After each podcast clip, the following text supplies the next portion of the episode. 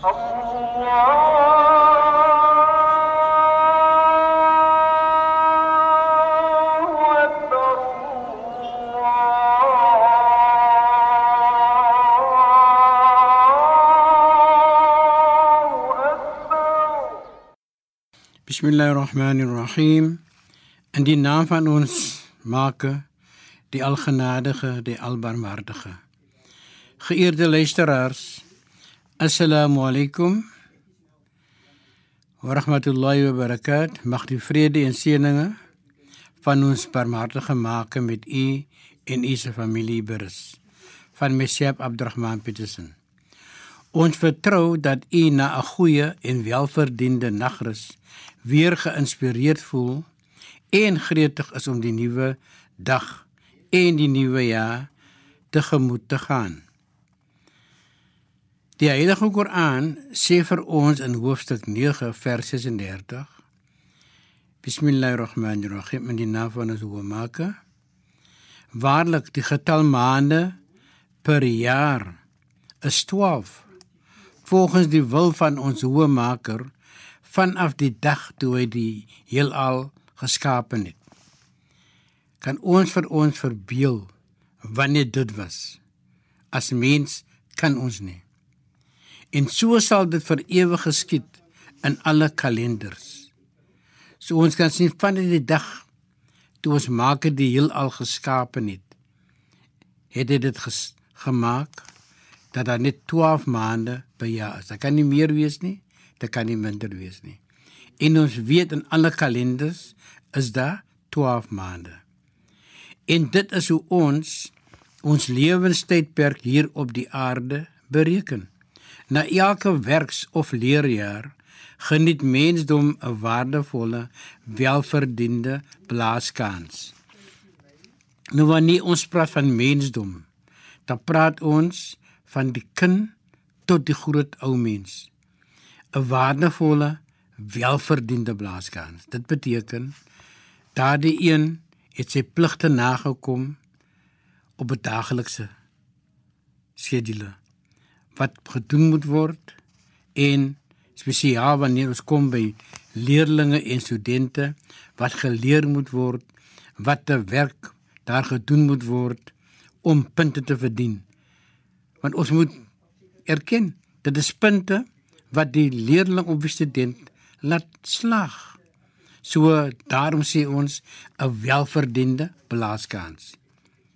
Ons alle liefdevolle Maker gun dit vir mensdom om die lewe op aarde te waardeer en te geniet.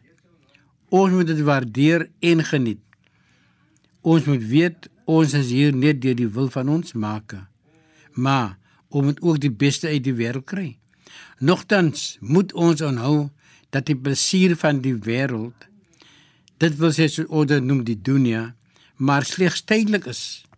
En ons moet nie toelaat dat die plesier van hierdie wêreld ons moet verblind dat ons van die pligte teenoor ons maak laat veronagsaam nie.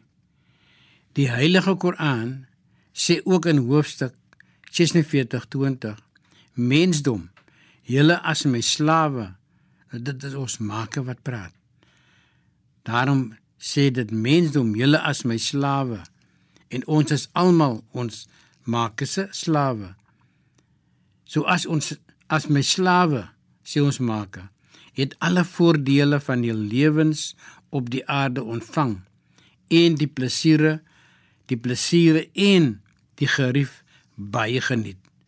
Soos ek dit bedoel het vir julle. Is dit baie baie goed om dit te hoor nie. Ons maker wil vir ons alles van die beste op die wêreld gee. Hierdeur leer ons as mens dat ons vir 'n goeie lewe en die nuttige lewe van die aarde mag vra.